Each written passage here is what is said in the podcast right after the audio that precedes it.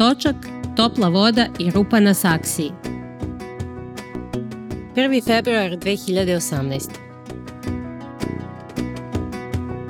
S vremena na vreme moram da napišem po neko ljubavno pismo svojim klijentima kad mi sednu na grbaču i počnu da se ponašaju. Bilo bi bolje da ih pišem nekom drugom, ali klijenti trenutno najviše cene moje izlive osjećanja. Pre nešto više od godinu dana jedno takvo pismo napisala sam Krompirovoj zlatici i naša veza je nakon toga uzletela u neslućene visine.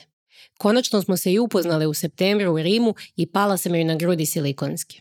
Sada je došlo vreme za nova ljubavna pisma, jer nakon sedam meseci veze sa klijentom koga ćemo za potrebe ove priče zvati Žerom, pojavila se prva kriza. Bejbe, u poslednje vreme sve duže ti treba da mi odgovoriš na poruke. Hani Bani, prolazim kroz neku fazu, mnogo toga mi u glavi, imam previše obaveza. Ali devo moja balkanska, zar nisam ja tvoja obaveza? Zar nisam izrazio najdublju potrebu da imam po tri epizode spremne unapred da bih se osjećao sigurno, jer u detinjstvu nikada nisam razvio osjećaj sigurnosti i izvesnosti sa roditeljima koji su po tri puta godišnje štrajkovali u Peugeotu i Renaultu.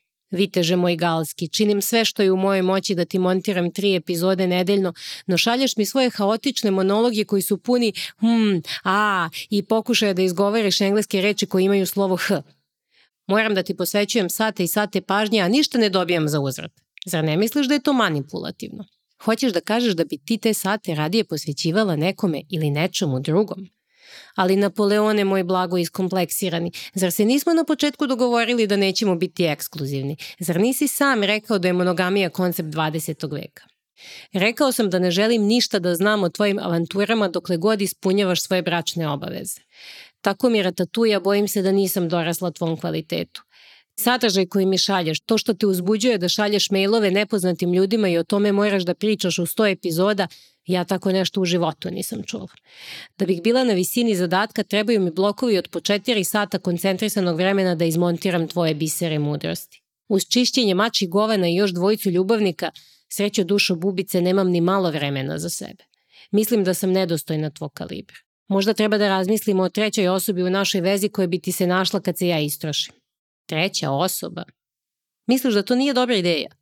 Ali ti to tako dobro radiš. U stvari, ne trebaju mi tri epizode izmontirane unapred. Dovoljna je jedna samo da me odradiš kako treba. I to kad sam ja raspoložena. Da, tikvice moja, kad si odmorna, naspavana i nakon što si popila kafu i malo problejala na netu. Krosančiću moj, mislim da je to win-win situacija. Drago mi je što smo oboje radili na sebi i što smo tako asertivni. Srpsko-slovenska lastavice, uvek ću te voleti. Slušali ste odlomak iz knjige Točak, topla voda i rupa na saksiji Nevene Paunović. Knjigu možete poručiti na sajtu izdavačke kuće Racio i pronaći u Delfi knjižarama.